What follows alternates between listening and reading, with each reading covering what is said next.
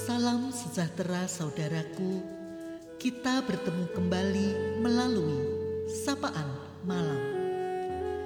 Ada berkat Tuhan untuk kita. Firman Tuhan yang akan memberi ketenangan. Saudara-saudara, jika kita ingin orang lain tahu apa yang diperbuat Yesus bagi kita, beritahukanlah mereka apa yang telah diperbuat Yesus bagi kita. Di heningnya malam ini, firman Tuhan Matius 5 ayat 13 dan 14 hendak menyapa kita. Kamu adalah garam dunia. Jika garam itu menjadi tawar, dengan apakah ia diasinkan? Tidak ada lagi gunanya selain dibuang dan diinjak orang. Kamu adalah terang dunia. Kota yang terletak di atas gunung tidak mungkin tersembunyi. Saudara-saudara, garam sangatlah penting dan diperlukan.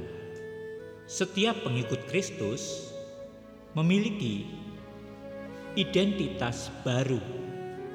Kamu adalah garam dunia.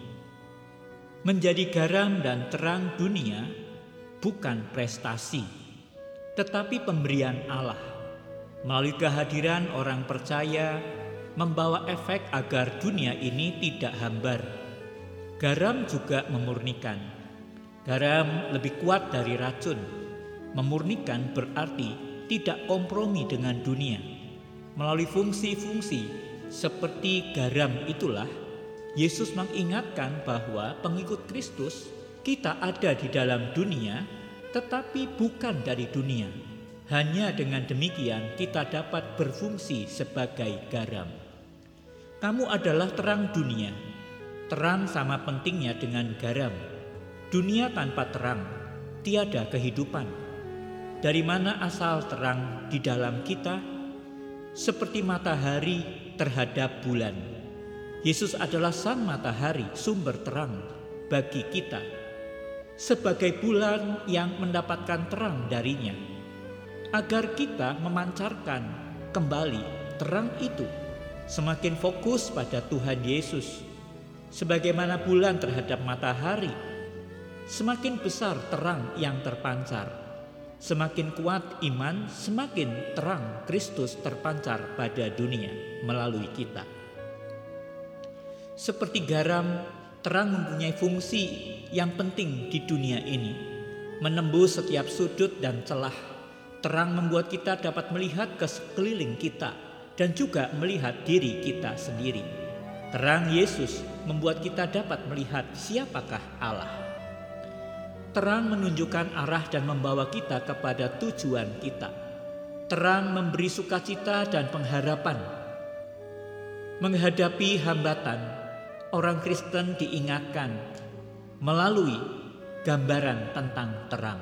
Untuk tidak seharusnya menarik diri dari dunia, terang tidak disembunyikan di bawah gantang. Demikian juga ketika dunia ini begitu gelap, penuh dengan dosa dan kehancuran, penuh ketidakadilan dan kebencian, bersinarlah. Lebih baik menyalakan sebuah lilin daripada mengutuki kegelapan.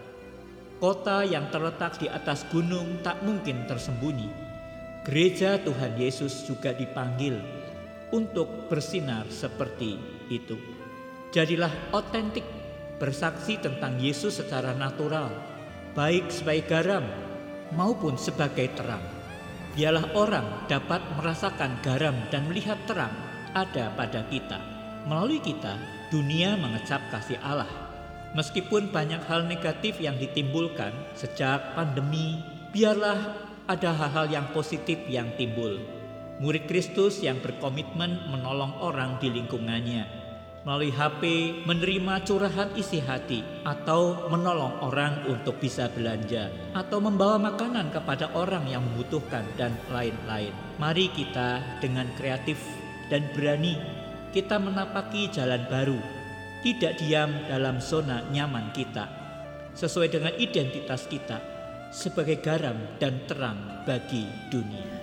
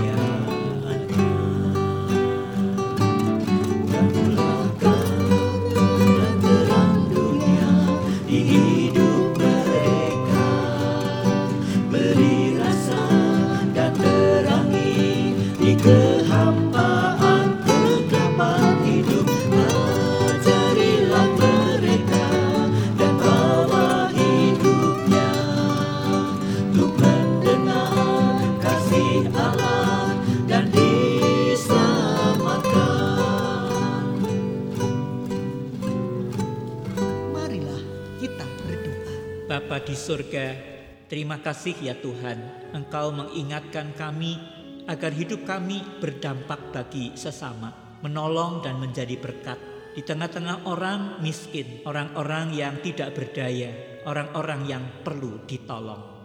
Agar melalui kehidupan keluarga-keluarga, dunia di mana kami keluarga-keluarga berada akan memuliakan Allah.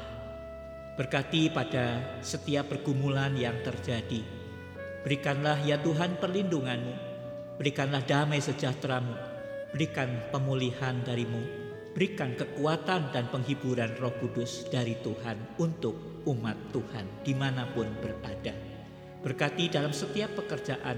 Berkati anak-anak di dalam proses belajar mereka. Terima kasih Bapa, di dalam nama Tuhan Yesus Kristus kami berdoa. Amin. Selamat malam saudaraku Teruslah memberi rasa dan menerangi di kehampaan dan di kegelapan hidup Selamat beristirahat Tuhan Yesus memberkati.